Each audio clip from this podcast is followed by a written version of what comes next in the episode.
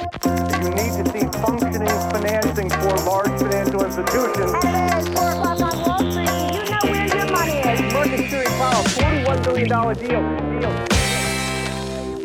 Då är det dags för ytterligare en bonusepisod och idag har jag med mig ett IT-infrastrukturbolag som heter Infracom.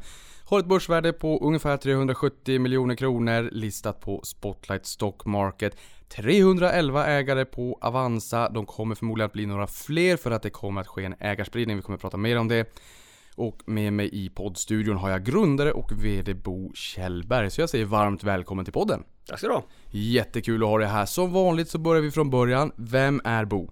Jo, eh, mitt namn är Bo Kjellberg. Eh, jag bor i Lerum, fyra barn och fru.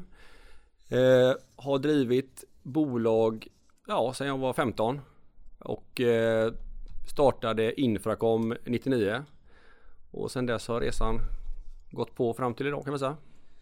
Men då måste jag också bara fråga, eh, fru och fyra barn, eh, och du är entreprenör, det låter som att du har i blodet, jag menar sedan 15 års tid. Eh, Jag måste bara fråga som snart tvåbarnsfar, hur får du det att gå ihop? Eh, det är nog laget tror jag. Det är min fru. Det är hon som tar slitet hemma och jag får fria tyglar på jobbet. Då hoppas att din fru också lyssnar på det här så hon får den, liksom, den fina feedbacken tillbaka. Det kanske hon också redan vet. Vad gör Infracom då? Infracom det är ett infra IT-strukturbolag, så precis som du säger, som driver olika affärsområden, bland annat kommunikation, IT-drift och datacenter. Och som jag förstår det så har ni ju tre affärsområden, kommunikation, IT-drift och datacenter. Kan du berätta lite mer om de här så att vi förstår liksom hur, hur eh, bolaget är organiserat? Absolut. Eh, tittar man på kommunikation då så inkluderar det all typ av telefoni och det är ju IP-telefoni, växeltelefoni, molntelefoni, Teams, Skype.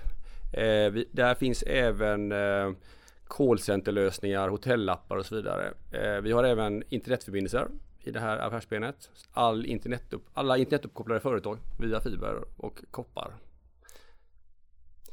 Sen kan, sen kan man väl också säga så här att ni, är, eh, ni listades ju 15 januari 2018. Bolaget är inte så mycket äldre än så, det är några år gammalt. Men den här resan började ju faktiskt 99. Kan du inte ta oss tillbaka till 99 och Heydays och IT-euforins dagar och berätta liksom om uppkomsten till bolaget? Vad, vad, fick, det, att- liksom, vad fick det att grunda det här? Vart började allting en gång i tiden?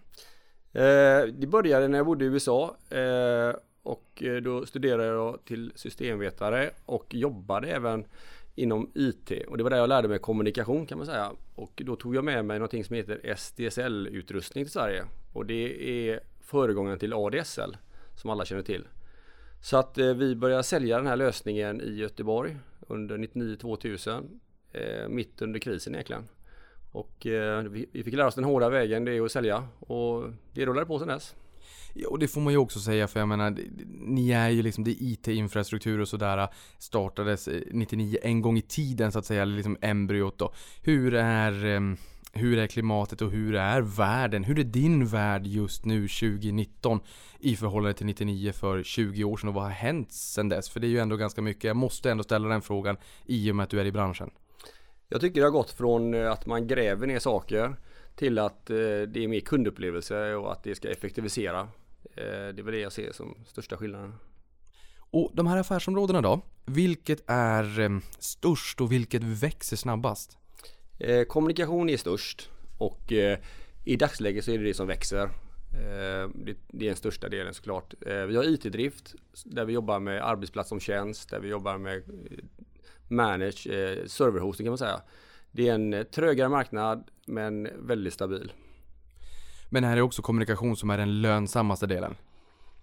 Eh, jag tycker att de är Nej, jag tycker inte att de är de lönsammaste per se utan jag tycker alla affärsområden är relativt lönsamma. Datacenter kanske är den som är minst lönsam. Okej. Okay. Datacenter boomar ju eh, globalt och det, det, det märker vi när vi liksom läser tidningarna att det öppnas datacenter till höger och vänster. Jag menar, all datamängd där ute ska ju någonstans också lagras och det kommer säkert bli ännu fler datacenter. Är det liksom ett skäl till att eh, man får någon form av operationell hävstång och att vi kanske får se ändå lite bättre lönsamhet i datacenter framåt eller tror att det är en prispress snarare vi kommer att se där? Jag tror att det är ganska oklarhet faktiskt i den branschen i och med att eh, Eh, alla tjänster som eh, Amazon och alla konkurrerande som kommer dit med sina tjänster plus att det finns folk som bygger datacenter för inplacering. Så blir det liksom lite motsägelsefullt. Vi tror ju att företag kommer stoppa sin data i Sverige och då tror vi att där finns en tillväxtpotential. Någonting just med datacenter som har varit en, en, en, en eh, liten snackis i alla fall får man väl säga. Det är ju Cloud Act i USA. Och att USA kommer åt data. Så länge det är ett amerikanskt bolag så spelar det ingen roll att det är ett svenskt företag som använder en amerikansk spelare. Eh, så då, då måste man liksom ändå dela med sig av kanske känslig information till amerikanska myndigheter. Är Cloud Act någonting som gynnar er på Infracom? Ja det tycker jag, absolut. Eh, vi är med i ett forum som heter Made in Sweden. Och det är där, vad vi gör är att vi vill garantera att datan finns i Sverige och att vi inte finner oss just under det här regelverket. Och nu är det ju än viktigare med GDPR också. Men då blir jag sådär nyfiken, för har bolagen en förståelse för hotet från Cloud Act, om man får kalla det så? Eh, Den här Made in Sweden, hur, eh, hur tas det emot där ute? Är bolagen medvetna om, om Cloud Act och hela den diskussionen så att säga? Jag tror, från början så var det nog inte det när Made in Sweden kom utan jag tror det här har kommit upp på agendan nu när vi har Trump på andra sidan som härjar runt där och folk blir lite mer vaksamma. Mm. Ja, han har ju twittrat nu senast också när vi spelar in det här så är börsen ner ganska mycket och Stockholmsbörsen befinner sig i korrektion för det är lite ytterligare tullar mot Mexiko den här gången. Eh, men ni har ju ett flertal bolag inom koncernen. Största dotterbolaget är Weblink som har en egenutvecklad molnväxelplattform. Kan du berätta mer om den här? För det här förstår jag kanske inte är supervanligt där ute va? Nej, det är helt rätt. Eh, idag finns det ju ett antal aktörer som erbjuder den här typen av tjänst och eh, merparten av dem har ju en tredjepartslösning. Och eh, när vi började titta på detta så tittade även vi på tredjepartslösningar men kände att hur kan vi vara unika och hur kan vi ha kontroll när vi hyr en tjänst?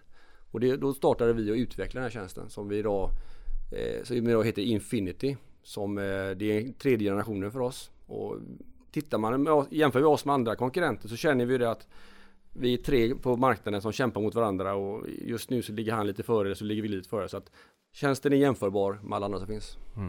Bara för att de, eh, av mina lyssnare, så att man får en liten förståelse för konkurrenterna där ute. Vilka är era närmsta konkurrenter? Eh, tittar vi på plattform så är det ju då Mitel och Mitel är ju en plattformsleverantör, en tredjepartare. Och där har vi till exempel Telia, Tele2, 3 som använder den här plattformen. Sen har vi ju konkurrent som bygger själva och där är ju eh, Telavox jätteduktiga. Eh, vi har, eh, eh, vad har vi mer? Advoco bland annat. Eh, Finns det någon möjlighet eller potential att vi får se nya affärsområden förutom de just kommunikation, IT-drift och datacenter som vi pratade om? Eh, Finns det någon eh, bubblare att det kan komma ändå kanske lite fler affärsområden i bolaget eh, framgent? Alltså hur ska man tänka på Infracom? Hur tänker ni själva liksom inside the box, outside the box? Vad, vad, är det de här tre affärsområdena som gäller eller, eller är ni öppna för förslag? Tittar du på oss historiskt när vi startade så har ju vi, det här har ju varit en levande tingest och jag tycker vad vi gör nu är att vi kokar ner det till liksom en fond för att, för att, för att mobilisera våra, våra personal och våra bolag att jobba i det här formatet. Men jag tror att i förlängningen så kan det absolut komma nya affärsområden. Det tror jag. Och det- här äh, största dotterbolaget då, Weblink, alltså hur, em, hur stort och hur viktigt, alltså hur stor del utgör det av Infracom? Eh, hur stort det gör? Ja, i, det omsätter väl, vad ligger det på, 80-90 miljoner ungefär. Så det är en stor del.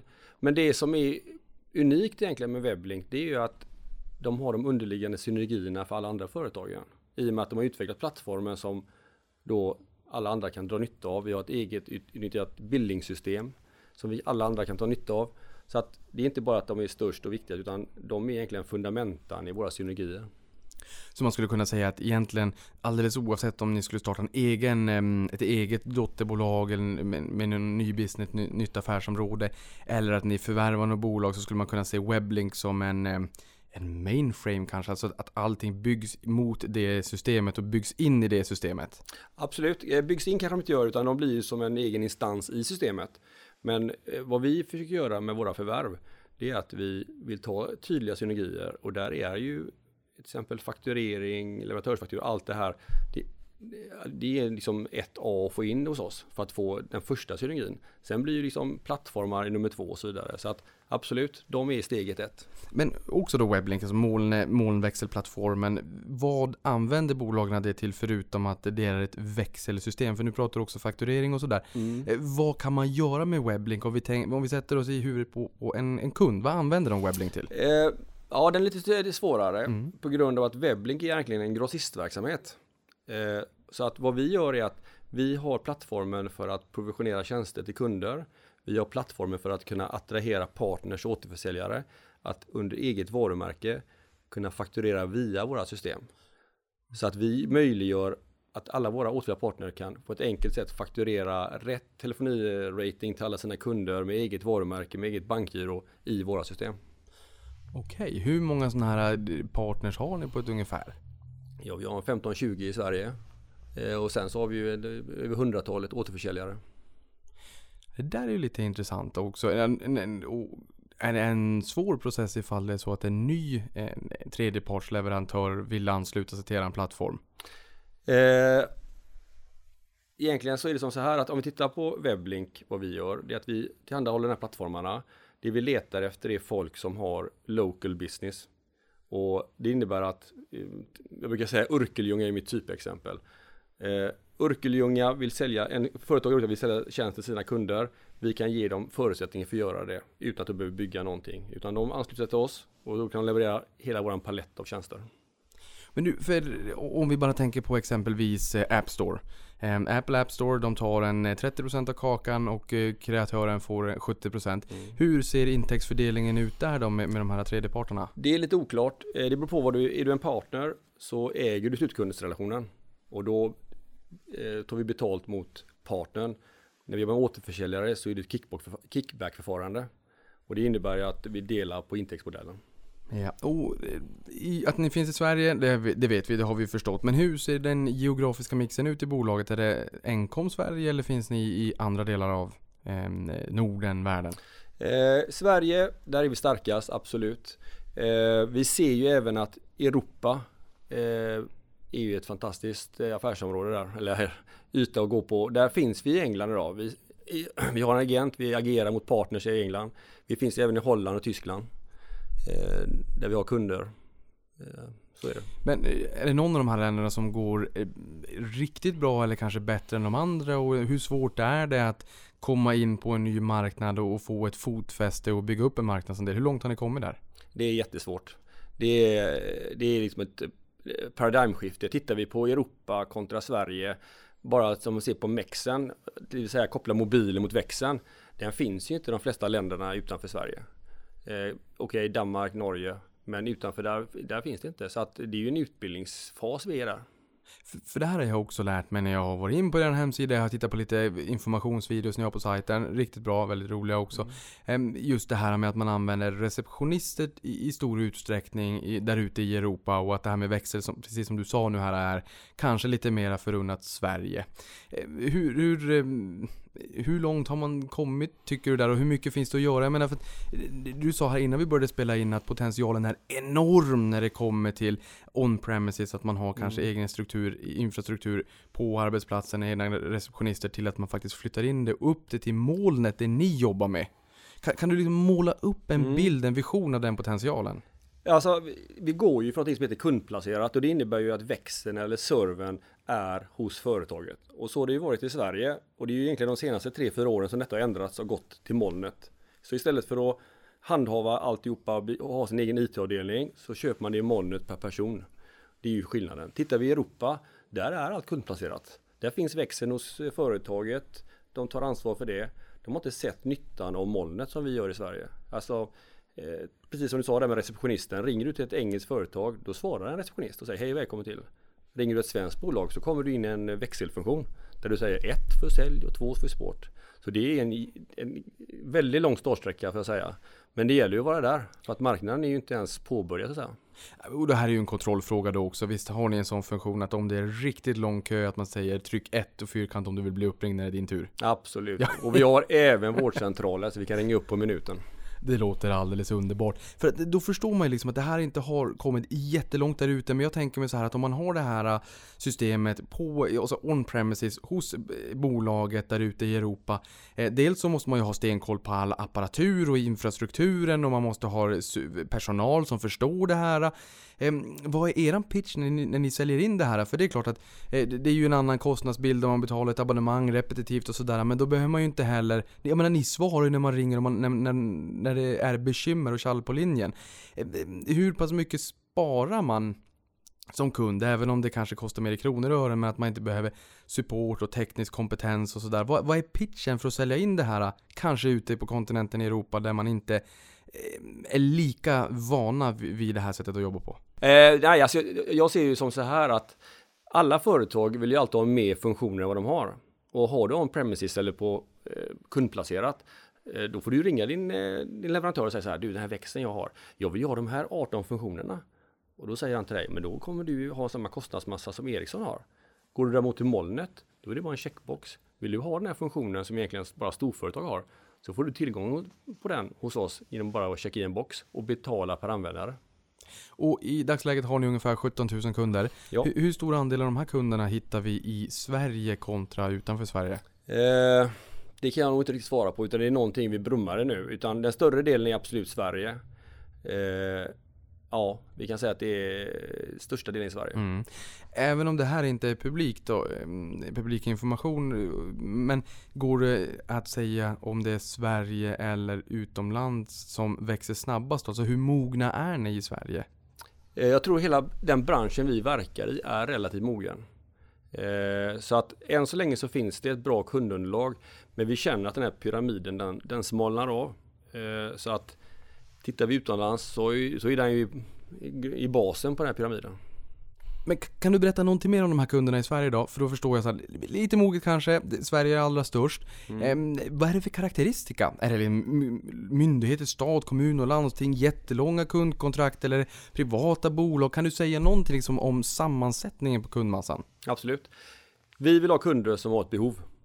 Och det innebär att vi säljer inte simkort till bästa pris. Utan kund, den kunden som vi söker, det är en kund som säger så här. Hej, jag har ett lager. Hej, jag har tre resesäljare, jag har ett kontor. Och då vill de ju ha en lösning för detta. De vill ha däcktelefoner på lagret, de vill ha mobilitet till resesäljarna och ett bra växelgränssnitt för receptionister om de har en eller i det sättet. Och allt det ska ju fungera i samma lösning. Och det innebär ju att när vi har mättat det här behovet då kommer ju kunden stanna hos oss. För det finns ju ingen som kan ringa och sälja fem simkort dem och sänka kostnaden på det sättet. Utan det är ju en helhetslösning de söker. Ja, och det känns ju som att det, det är ju inte... Man vaknar ju inte upp på måndag morgon och känner att nu ska jag byta växelsystem om det, om det redan funkar. Eh, utan då är ni ju liksom kanske håll tätt bakåt och då är ju kunden nöjd att det funkar och sen så behåller man det. För vi kommer också komma in på en fråga liksom hur, hur stor kör ni har. Eh, Hur omsättningen på kunderna Men ser ut. alltså, det var bara korrigera där. Eh, växellösning, det är ju det som kopplar det samman. Det vi gör är att vi kopplar ju faktiskt samman de här olika enheterna i verksamheten till växeln.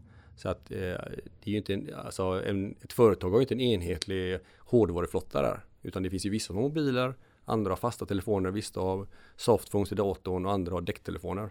Så det är det vi kopplar samman. Okej, så det, det spelar ingen roll egentligen hur kundens behov ser ut utan ni har en lösning som däckar samman allt det där och harmoniserar oavsett eh, vad man har för behov. 100 procent. Hur, um, okej, är det liksom standardiserade lagerhållna lösningar ni har? Är det bara liksom tuta och köra direkt kunden vill ha det här? Eller får ni göra vissa anpassningar för att eh, överbrygga gentemot kundens behov? För jag menar, är det så att det är en kodsnutt och ni liksom har allting på lager, då är det bara att skjuta ut och sen är det förmodligen ganska fin marginal på det där. Eller kontra liksom om ni behöver anpassa när ni installerar den här eh, mjukvaran ute hos kunderna. Hur ser det ut där? Eh, såklart så vill vi ju inte kundanpassa. Men vi jobbar inom business to business segmentet och vi säljer inte genom en hemsida. Utan allt vi gör är relation. Så då blir det alltid saker som kunden vill ha, som vi försöker parera.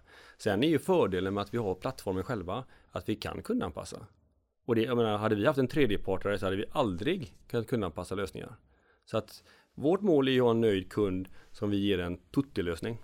Och om ni då kundanpassar, är det då att ni har liksom konsulter, eller ja, ni kan ju ha eh, fastanställda så att säga, men som konsulter mot bolaget och bygger till de där extra tjänsterna om det nu är någonting enkelt som de vill twista lite grann. Allt det gör vi inhouse. Allt görs in-house. Det är bra, för då behåller ni också kompetensen in-house.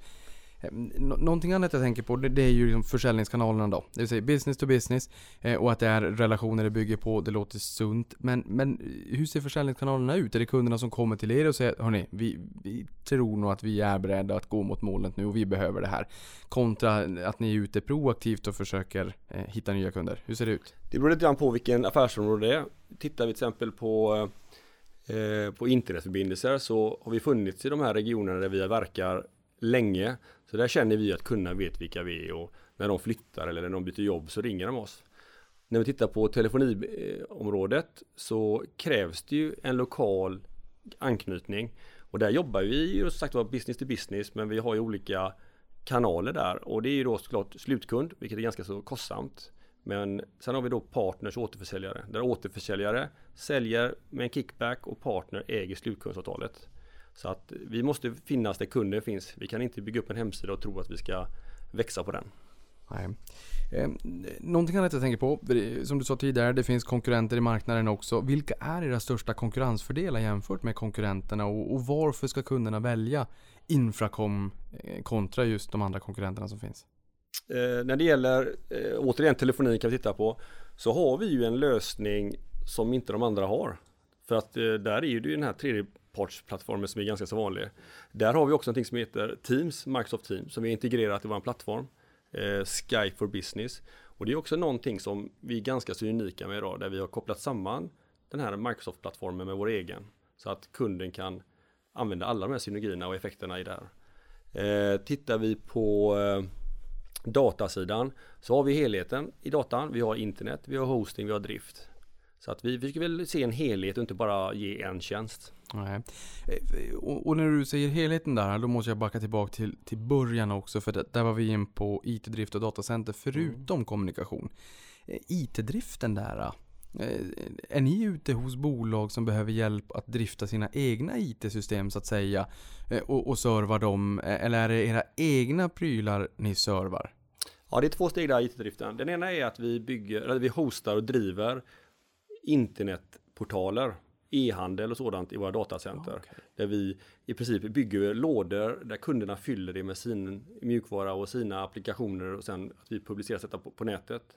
När vi tittar sen på eh, arbetsplats som tjänst, som är en stor del av oss, där är vi företagens IT-avdelning, men vi är aldrig ute. Utan vad vi gör är att vi fjärrstyr hela miljön till ett fast pris. Det låter ju alldeles underbart för då slipper ni också lägga tid på att ta er ut till bolagen och, och allt vad det är. Så då är det skalbart är ordet. Absolut. Eh, Datacenter då?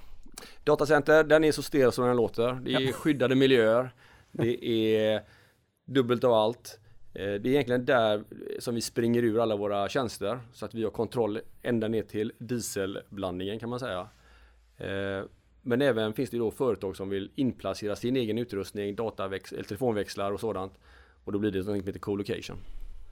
Hmm, spännande. Ja, det låter så torrt som bara det är. Jag tycker datacenter är ju glödhett numera. så jag tror ändå det är ganska många som lyssnar som känner att det där låter ändå ganska spännande. Eh, intäkterna har ju stigit på ganska bra.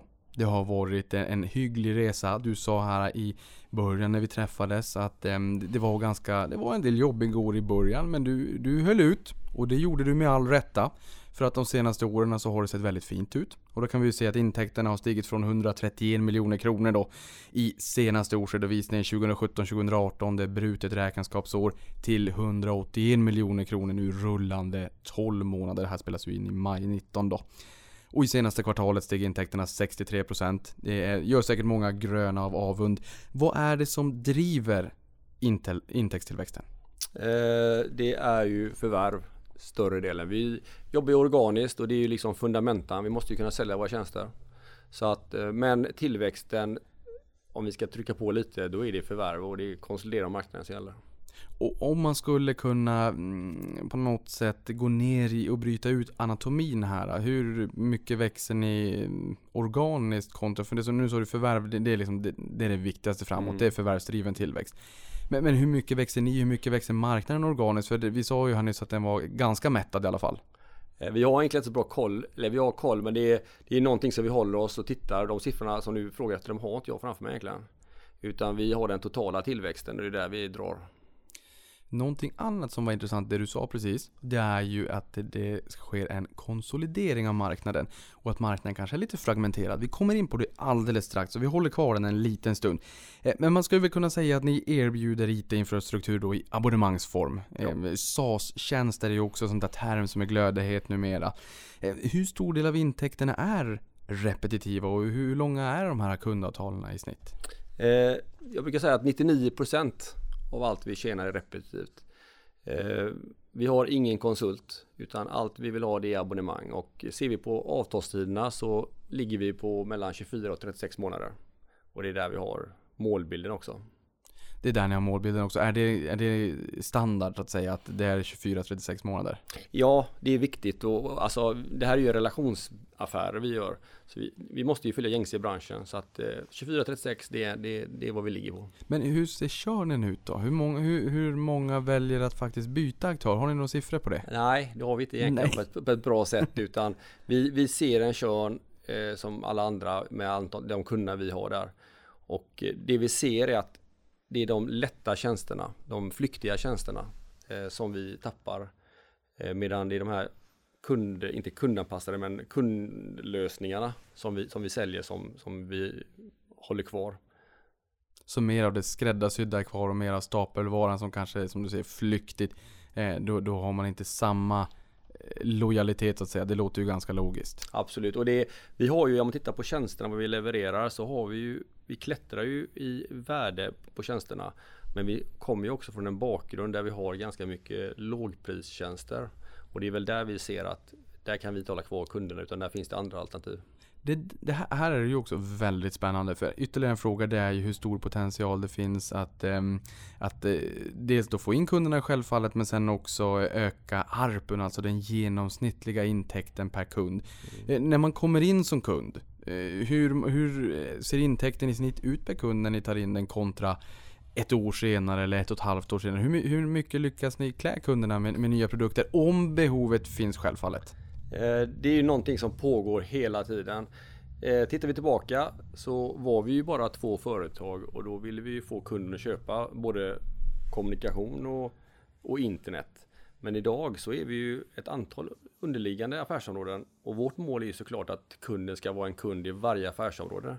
Och det är någonting som egentligen alla böcker säger men vi känner väl mest att vi får 30 sekunder mer på varje kund. Men det här är ju någonting som vi verkligen vill ut, liksom, utvinna och hitta vägar som, som gynnar. Och det här är ju jätteintressant för att eh, när du säger att eh, som kund kanske man ska ha lite av varje av den här, eh, det här smörgåsbordet eller buffén ni har med de här olika affärsområdena. Du sa precis att, att marknaden är fragmenterad och att det kanske ska ske en, en konsolidering eller att ni till och med kanske kan vara med och driva den konsolideringen. Ehm, I ett tidigare vd-ord har du sagt att ni är programmerade, eller har programmerat in tillväxt i Infracoms DNA och utvecklat en suverän egenskap att identifiera och genomföra värdeskapande tilläggsförvärv på de marknader ni är verksamma. Hur ser den här strategin ut och vad tror du kunderna vill ha? Vad, vad, hur ser strategin ut?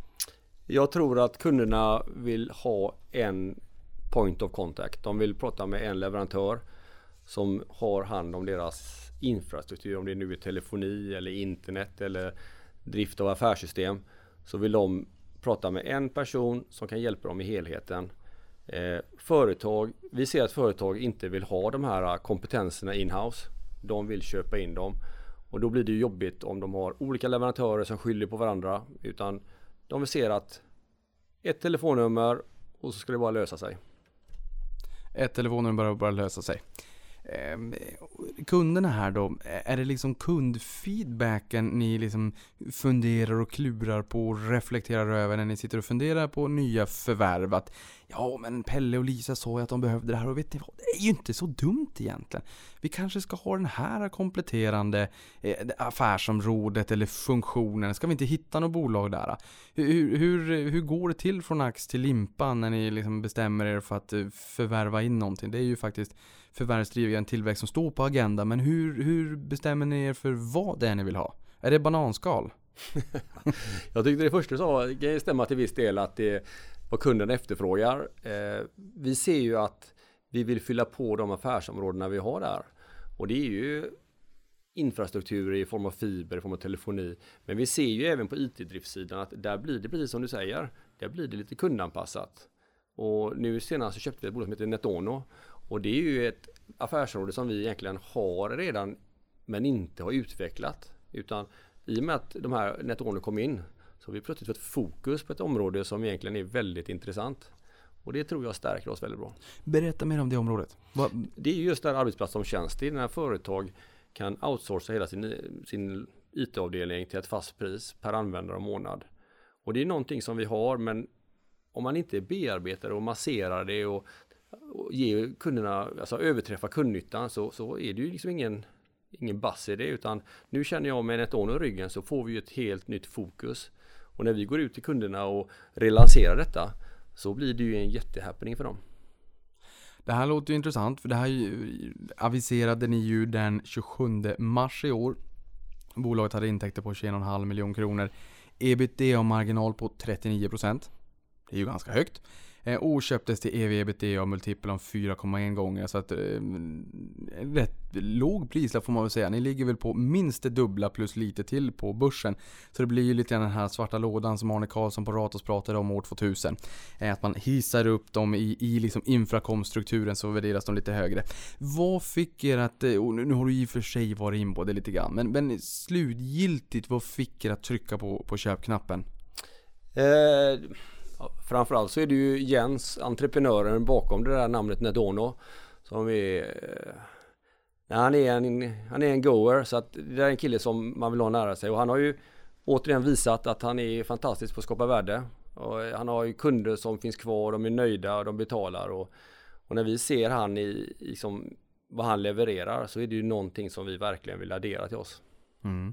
Och eh, när jag tittar på det här förvärvet och man tittar på lönsamheten också så sticker det ju ut. Jag menar, ni, eh, som det ofta skrivs om när det skrivs om er, så har ni en väldigt fin lönsamhet. Ni har en ebitda-marginal. Ni har haft en norr om 20 eh, en bra tid. 15 mm, till 20 säger de finansiella målen. Jag tror att ni var på runt 22% nu senast. Och sen förvärvar ni det här bolaget som har en ändå högre lönsamhet. När ni förvärvar bolag, när ni tittar på bolag, är det synergier ni funderar på eller är det att bolagen ska vara mer lönsamma än vad ni är i ett onoterat klimat? Eller eh, vad är det, liksom, vad är det för karaktäristika? Eh, det är nog affärsnyttan egentligen. Jag tycker att bolag som, eh, visst bra lönsamhet är jättefint men det finns ju också väldigt mycket möjligheter med företag som inte har nått sin potential. Där de kan i våran kostym helt enkelt växla upp. Så jag ser egentligen mer fördelar med att förvärva underdogs egentligen där vi kan ja, förfina dem och förbättra processerna, kanske inkludera dem som en kundstock i verksamheten. Så att eh, nej, det behöver inte vara bolag som är mer lönsamma, det tycker jag inte, utan det ska nog vara en riktig, det ska vara bra möjligheter för oss. Men om ni då förvärvar de här underdogsen säger vi då. Mm. Hur lång tid brukar det ta eh, att eh, liksom implementera det här i er organisation? För att nu har ni sagt att ni har byggt in tillväxt här i DNA så att säga. Och det får ju mig att känna att ja, men ni kan det här med förvärv och hur man faktiskt implementerar det, behåller företagskultur och sådär. Och att man får ut mer, inte mindre i den här gemensamma infrastrukturen och familjen. Hur, eh, hur ser du på det? Eh, om vi går tillbaka till underdogsen så tycker jag att eh, de är ju absolut mer förändringsbenägna. Eh, tittar vi på ett bolag som är ett lönsamt, bra, stabilt de har ju liksom många nycklar redan så att eh, de kan vi absolut göra bättre men de har ju nått ganska så bra. Men tittar vi på de här som, där vi kan ge dem möjligheter, de vill ju och de vill ju liksom stampa av där och då känner jag ju att de är de räcker upp handen. Hur ska vi bli bättre? Och då blir det enklare att förändra det. Så att jag tycker det kan gå relativt snabbt. Det är mycket arbete. Men det går relativt snabbt tycker jag. Och när man tittar på de förvärven ni har gjort eh, den senaste tiden så slås man ju också av att eh, det, ser ju ut att vara rätt billiga multiplar ni handlar på. Det är klart att i den onoterade världen så är det betydligt lägre multiplar än vad det är på börsen. I alla fall nu. Ehm, hur ser multiplarna ut där ute? Jag menar du sa fragmenterad marknad, behöver lite konsolidering. Ni kan definitivt vara en aktör som konsoliderar marknaden. Ehm, men hur, hur liksom prislappen just nu i förhållande till kanske historien? Billigare eller dyrare eller ganska same same? Eh, historiskt har jag jobbat bara i den onoterade världen och jag tycker att multiplarna, det, det, för det första så är det lite dagsform tycker jag och sen, sen ligger det mellan 4 och 6 ungefär. Det beror på eh, hur upplåsningen ser ut och så vidare.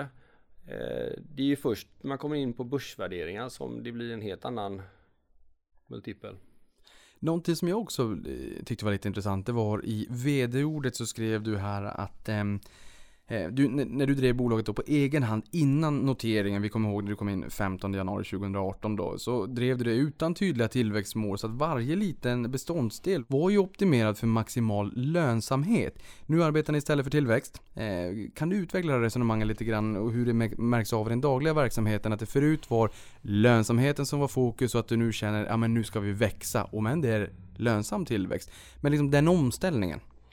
Ja, den har jag nog haft hela mitt liv tror jag. Tittar vi när vi började vid 2000 ungefär så var ju fokus teknik, teknik och förädla och teknik. Sen när man kände att man behärskade detta då var det liksom lönsamhet och så la jag fokus på det och kramade och donade och fixade och optimerade. Och nu när när vi har gått på börsen här så känner jag ju det att nu har fokus gått mot tillväxt. Så det handlar ju liksom att jag som person är ju en människa med detaljer och jag går alltid in i detaljerna. Eh, Bra eller dåligt, för mig har det funkat väldigt bra. Och jag tror att det är nyckeln. Vi måste förstå vad vi gör och är det tillväxt då ska det vara fokus på det. Mm. Ja men det låter bra och då kommer vi förhoppningsvis att se att ni också växer fortsatt. Ni har växt jättebra den senaste tiden. Det låter ju definitivt som att det är fortsatt tillväxt på agendan. Och där om vi kikar på era finansiella mål Eh, så är den årliga omsättningstillväxten och den ska vara 15 till 20%. Nu har vi också förstått att det är ju den förvärvade tillväxten via bolagsköp som är primär där. Sen bibehållen hög lönsamhet 15 till 20% ebitda. Eh, du kommer från 28 en gång i tiden, eh, sa du här innan vi började spela in. Hur, 15 till 20, ni ligger över det just nu. Vad är en rimlig nivå om, om du vågar liksom tassa utanför de finansiella målen? Vad tror du själv? Jag tror att eh, om vi håller oss eh, på förvärvsstorleken där vi ligger idag så ska vi ligga på den här eh, nivån. Jag kan tänka mig när vi går mot större förvärv där det, där det kommer bli mer komplext och mer ta mer tid helt enkelt för att integrera så kan jag tänka mig att då kan vi straffas ut där. Så det gäller ju att hitta, alltså det gäller att hålla sig på en bra nivå. Ska vi ta ett större förvärv så måste det vara ett bra förvärv så att vi relativt snabbt kan få in dem i verksamheten. Och de här förvärven tänker jag på då också. Hur, vilka finansiella muskler har ni då för att faktiskt kunna köpa de här bolagen om tillfället dyker upp? Ni har ett eh, finansiellt mål om en soliditet på minst 30%. Nu senast var den 43. Det finns ju ett utrymme där gentemot mål. Men, men hur ser den fin- finansiella flexibiliteten ut om ett pangförvärv skulle dyka upp? Jag tycker det är bra. Fram till nu så har vi inte haft några hinder egentligen. Jag tycker inte pengarna i sig är hindret i alla lägen utan det är ju hur man gör affären och sen i slutändan så ska ju två individer komma överens och då ska det vara pengar och det ska vara lite om aktier eller bank och så vidare. Så att jag tycker att fram till nu har inte jag sett ett problem med det. Mm. Och i samband med noteringen i fjol då så tog ni in 22 miljoner kronor eh, i en ny emission och det var ju torrt krut då för en förvärvsdriven agenda. Det har ni visat prov på, det har ni ju faktiskt också levererat på. Och nu tar ni in ytterligare ungefär 20 miljoner kronor i samband med en ägarspridning som är officiell då när den här podden kommer ut. Vad ska ni använda de här nya pengarna till? Eh, framförallt vill jag säga att den här ägarspridningen är ju för att vi ska öka synligheten i bolaget och få in fler ägare. Det är ju därför vi gör detta. Eh, sen kommer ju såklart pengarna in och som du sagt egentligen i hela samtalet här så är det ju tillväxt och vårt mål är ju att hitta bra tillväxtmöjligheter där de här pengarna ska användas på bästa möjliga sätt. Mm. Någonting annat som är intressant, ni växer kraftigt, det har vi ju förstått under podden här. Eh, men det innebär ju att ni faktiskt också behöver fler kompetenta medarbetare för att stötta den här tillväxtresan. Det är någonting du skriver i VD-ordet också, till och med en nästan jobbansökning i VD-ordet att är du nyfiken, intresserad, snabbt in på sajten, kika vad som finns och sen är det bara att du hör av dig för vi behöver er. Eh, inte exakt så skrev ni, utan här överdrev jag lite grann. Eh, eh, hur lätt är det att hitta rätt personal? Ja, det är ju inte så lätt idag tycker jag. Utan, eh, eh, och det är ju någonting som vi hela tiden söker. Vi behöver ju nya medarbetare som kan driva den här tillväxtresan. Och eh, vi söker och vi söker och ibland hittar vi. Men det är inte lätt idag, det får jag säga. Då kan man också säga det att är det några som lyssnar på den här podden och jobbar i skråt så är det bara att in i vd-orden eller på hemsidan så hittar ni också där. Så kanske ni går en ny karriär till mötes.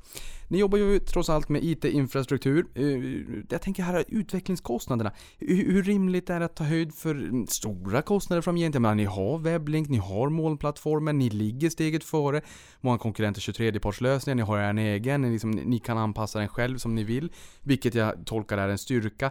Men, men alltså, är ni i ett läge där ni bara kan liksom skalbart skörda solmogen frukt? Eller kommer det att, eh, kommer det att kosta att ligga på topp? Hur mycket kommer ni behöva investera framåt i utveckling etc? Eh, vi skördar, det gör vi absolut. Eh, just idag så sitter vi med en marknadsklar plattform som vi kan jämföra oss med alla andra. Men jag tror absolut i framöver så kommer det bli mer nya behov där vi måste finnas med och utveckla.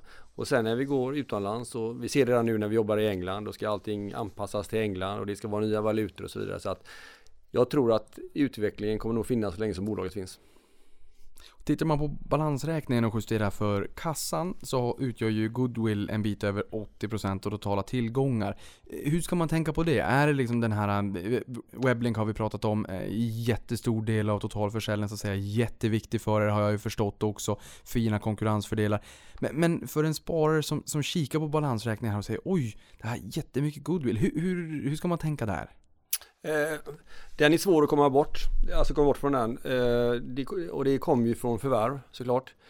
Eh, ja, det är väl någonting vi släpper med oss och det, det, och det kan ju också då ändras när man byter metod för eh, bokslut så att säga, om man går till IFRS eller liknande. Så att, men eh, goodwillen finns där. Och då kanske man också kan se det på så vis att eh, vi hörde ju nyss här vilka multiplar ni handlar bolagen till 4-6 gånger eh, ebitda då, eh, ev ebitda. Så att då får man ju ställa det i relation så att säga. Det är ju betydligt billigare kanske då än på, på börsen. Eh, men trots ert kortnamn på Spotlight som är infra, eh, vilket kanske leder till att meddelare skriva infravärme om ni bjuder på bra rapporter. Men eh, vilka utmaningar skulle kunna hålla dig sömnlös om natten? Ja, det är väl teknikskiften då. Eh, där det blir något totalt revolutionerande som eh, alla har pratat om så länge jag har verkat i den här branschen. Men eh, det är väl att vi ska Ja, det är väl man går gör nya äventyr. Om vi går utomlands till exempel och, och det inte tar fart. Då kommer jag bli sömnlös. Eller då kommer jag bli sömnlös i det landet tror jag. Så att eh, alla utmaningar tycker jag får mig att kicka igång liksom. Det låter bra. Vad är viktigast som investerare att hålla koll på då? Vad, vad tittar du på mest för att liksom identifiera hur det går för bolaget? Har du no- något eller några favorit-KPI eller nyckeltal som du känner att det här är viktigt för mig när jag eh, sitter och reflekterar lite grann kring hur det går för oss? Ja, det är ju viktigt att pengarna kommer in och det är ju viktigt att de här avtalsintäkterna finns där varje månad och varje år. Så att man håller den volymen. Sen är det ju upp till oss själva att slipa till marginalerna. Eh, Och kundtillväxten här då, för vi pratade om 17 000 kunder. Eh, och Om vi tittar på intäkterna. eh, Skulle du kunna ge någon form av hint kring det här att man klär kunderna med mer produkter, ökar intäkten per kund kontra nykundsintag? Vad är det som, eh, vad är det som driver alla snabbast där? Eh, Det är nya kunder som vi driver snabbast. Självklart i det här, alltså en, en, en grej med abonnemang och, och med moln och det här. Det är ju det att vi säljer till varje användare. Så att när ett företag växer, då växer ju vi. Så att när en kund får en ny personal, då behöver han en ny telefon, en ny affärssystem och så vidare. Och automatiskt så följer vi ju med. Så går det bra för våra kunder så går det ju bra för oss. Du, det där är jättebra. För jag såg på er sajt också att det, det var någonstans 99 kronor per, per användarabonnemang så att säga. Och jag menar det här är ju såklart, jag menar, om man får fler anställda så blir det ökade intäkter. Jag menar abonnemanget eh, och kunden har ni ju redan. Men det blir fler anställda. Så det blir liksom, det, det, det växer ju på ganska fint där. Men det föranleder mig att fundera lite grann kring, ja men hur ser, hur ser kundsammansättningen ut då? Är det mindre eller medelstora bolag som per de definition växer mycket över tid? Eller är det lite mer mogna bolag? Lite Nej, större? Vi jobbar ju med små och medelstora, det gör vi. Det är primärt det. Eh, vi tittar väl mer åt upphandling och större här. eh, Ju mer muskler vi får. Så det innebär att man skulle egentligen kunna säga, eller sätta en liten strukturellt tillväxtstämpel på era kunder och därmed även på er då, helt enkelt. Absolut. Ja, ja, alltså vi följer vår kund. Det gör vi. I fjol betalade ni ingen utdelning. Ehm, när i framtiden kan det komma att bli aktuellt? Om du får spåna några år fram i tiden. Är det utdelning på agendan eller kommer ni använda pengarna för att återinvestera i verksamheten? Va, hur ser du på det? Eh, jag ser väl att eh, jag springer ett eh, 60 meters lopp och vi har tillväxt framför våra ögon. Eh, skulle det mot all förmodan ja, tillväxt, eller ja, den här förvärvstillväxten minska eller, eller gå ner. Då får man ju ta nya värderingar då. Jag tror att det är ett 60 mila lopp då istället för 60 meter. Men du springer snabbt. Eh, var, om vi tar de här 60 milen, vart befinner sig Infracom om fem år? Klassisk luddig fråga. Eh, ja, då tror jag att eh, vi är en nordisk spelare. Jag tror att eh, den europeiska marknaden har börjat ta lite fart och att vi är väl positionerade i Europa. Det låter bra. Någonting annat som låter bra det är att du är största ägare med omkring 65% av kapitalet varpå man skulle kunna säga att du är Du har kaptensgrad i pilotskolan. Eh, kommer du fortsätta att vara eh, storägare? Kommer du driva det här in i kaklet fram till dess att du får gråa hårstrån? Och eh, kan du kommentera ägarbilden? Men vi börjar med, kommer du fortsätta vara storägare och köra in i kaklet? Jag har ingen ambition att vara storägare egentligen utan jag ser väl att allt eftersom vi växer och vi förvärvar och allt det här sker eh, och även med den här sprisemissionen så kommer ju mitt ägarandel minska men förhoppningsvis så äger jag ändå mer saker så att säga. Utan jag känner ju att eh, det är ingenting som jag eh, har ett självändamål i. Absolut inte. Men förutom om du inte har ett självändamål i ägarandelen och att ni kanske använder aktien för att betala som valuta vid förvärv och sådär. Ehm, det är ju en sak. Men, men en annan femma då, det är ju, får vi ha kvar dig i, i lång tid framöver? Absolut. Eh, Jag ser väl att vi behöver vara ett lag. Idag eh, har det gått ganska så snabbt. Vi har, eh, eh, vi har saknar väl en del basfunktioner och det är väl någonting som jag vill stärka upp med här allt eftersom. Så jag ser väl att laget Infracom måste stärkas upp så att jag inte behöver jobba eh, under datagolvet och i molnet. Så att vi måste nog dela upp det lite mer känner jag. Inte jobba under datagolvet och i molnet. Eh, Det föranleder mig till den sista frågan och det är ju liksom ägarbilden då. Eh, Jag vet att eh, om vi kan kommentera på topp tre ägare i alla fall. Du är nummer ett där. Så vi kan ta nummer två och nummer tre då kanske. Vad har vi för, för förmågor där då? På nummer två så har vi då Jörgen Lager som var med och grundade Weblink. Som idag jobbar med partnerverksamheten. Och han gnetar på. På nummer tre så har vi Oskar Säfström som är bo, eh, bolagets koncernordförande. Och eh, ja, han är otroligt eh, eh, hjälpsam och verkligen en stöttning i den här verksamheten. En stöttning i verksamheten. Jag hoppas inte att du både behöver jobba under golvet och uppe i molnet för all framtid och att ni stöttar upp laget Infracom Group. Jag har också sagt att du som lyssnar på det här är lite nyfiken. Tjonga in en ansökan, det kan vara en ny karriär. Det jag känner mig nödgad att säga det när det är ett bolag som vill växa men där personalen kan vara en utmaning som för så många bolag nu för tiden. Bo, stort tack för att du kom till podden och gjorde oss lite klokare kring Infracom. Tack så du ha. Emergency Powell, $41 billion deal. deal.